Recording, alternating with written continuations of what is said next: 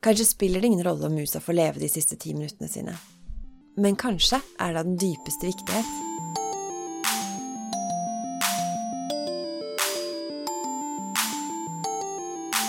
Hei, og velkommen til Sykepleiens podkast.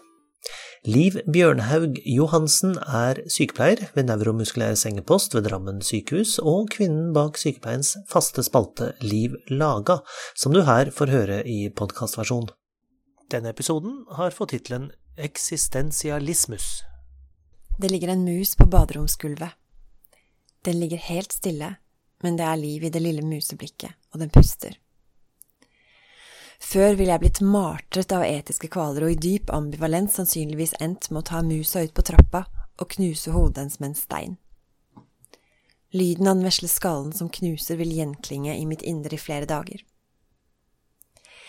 En ting er nå dem hun dreper, men det er alle lemlestene som tynger meg. Nattsvermere med én vinge, gresshopper uten bakben, fugler med brukne vinger og altså musene. Og inn kommer jeg, mennesket som råder over liv og død. Og jeg står der og forbanner dette postluterske, sekulære samfunnet som krever at jeg skal tenke selv og velge selv, og ikke kan ringe min åndelige leder og si Mester, jeg har en terminal mus her, hva er det riktige å gjøre? Og mesteren kan si hva som helst, knus skallen på den med en stein, eller stryk den forsiktig over magen og la den sovne inn i varme og kjærlighet. Og jeg gjør som han sier, og det kjennes godt for mesteren sa det. Kanskje spiller det ingen rolle om musa får leve de siste ti minuttene sine. Men kanskje er det av den dypeste viktighet.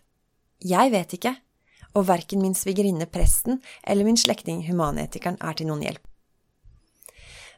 Det er først mot slutten av sykepleiestudiet floka løses. En uke er satt av til omsorg i livets siste fase. Det snakkes om alt som skjer på dødsleiet. Forsoning og refleksjon, nærhet og tilstedeværelse. Vi ser en statlig propagandafilm mot eutanasi, der sykepleiere og pårørende forteller om nære og gode dødsopplevelser, og om de ville tilstandene i Nederland der eutanasi gjøres etter søknad, også i psykiatrien. Det gjør inntrykk, men jeg er ikke overbevist, for kanskje er det dette med steinen som forårsaker ambivalensen. En morfinsprøyte hadde vel vært noe annet både for musa og for meg. Det er min klartenkte venninne Kaja som redder meg. Hun rekker opp hånda og sier, det kan godt hende at det for mange ville vært det beste å få dø, men på prinsipielt grunnlag syns jeg ikke man kan pålegge helsearbeidere å ta andres liv. Så lille terminale mus med den høyfrekvente lille respirasjonen og de små, svarte øynene. Kanskje lider du, kanskje er du forsonet med din tilstand, kanskje er du i eufori? Jeg er fritatt for byrden å skulle velge om du skal dø eller ikke. Livet er nå engang blitt slik at din tid er kommet, og alt jeg kan gjøre, er å hjelpe deg til en fredfull død. Jeg lukker den motvillige katten inn på kjøkkenet, legger musa på en utgått ullsokk og bærer den ut i vinternatten for å finne et musaktig miljø der den kan sovne stille inn. I kontemplasjon, lidelse eller hva det nå er. Det var Liv Bjørnhaug Johansen med sin faste spalte Liv laga.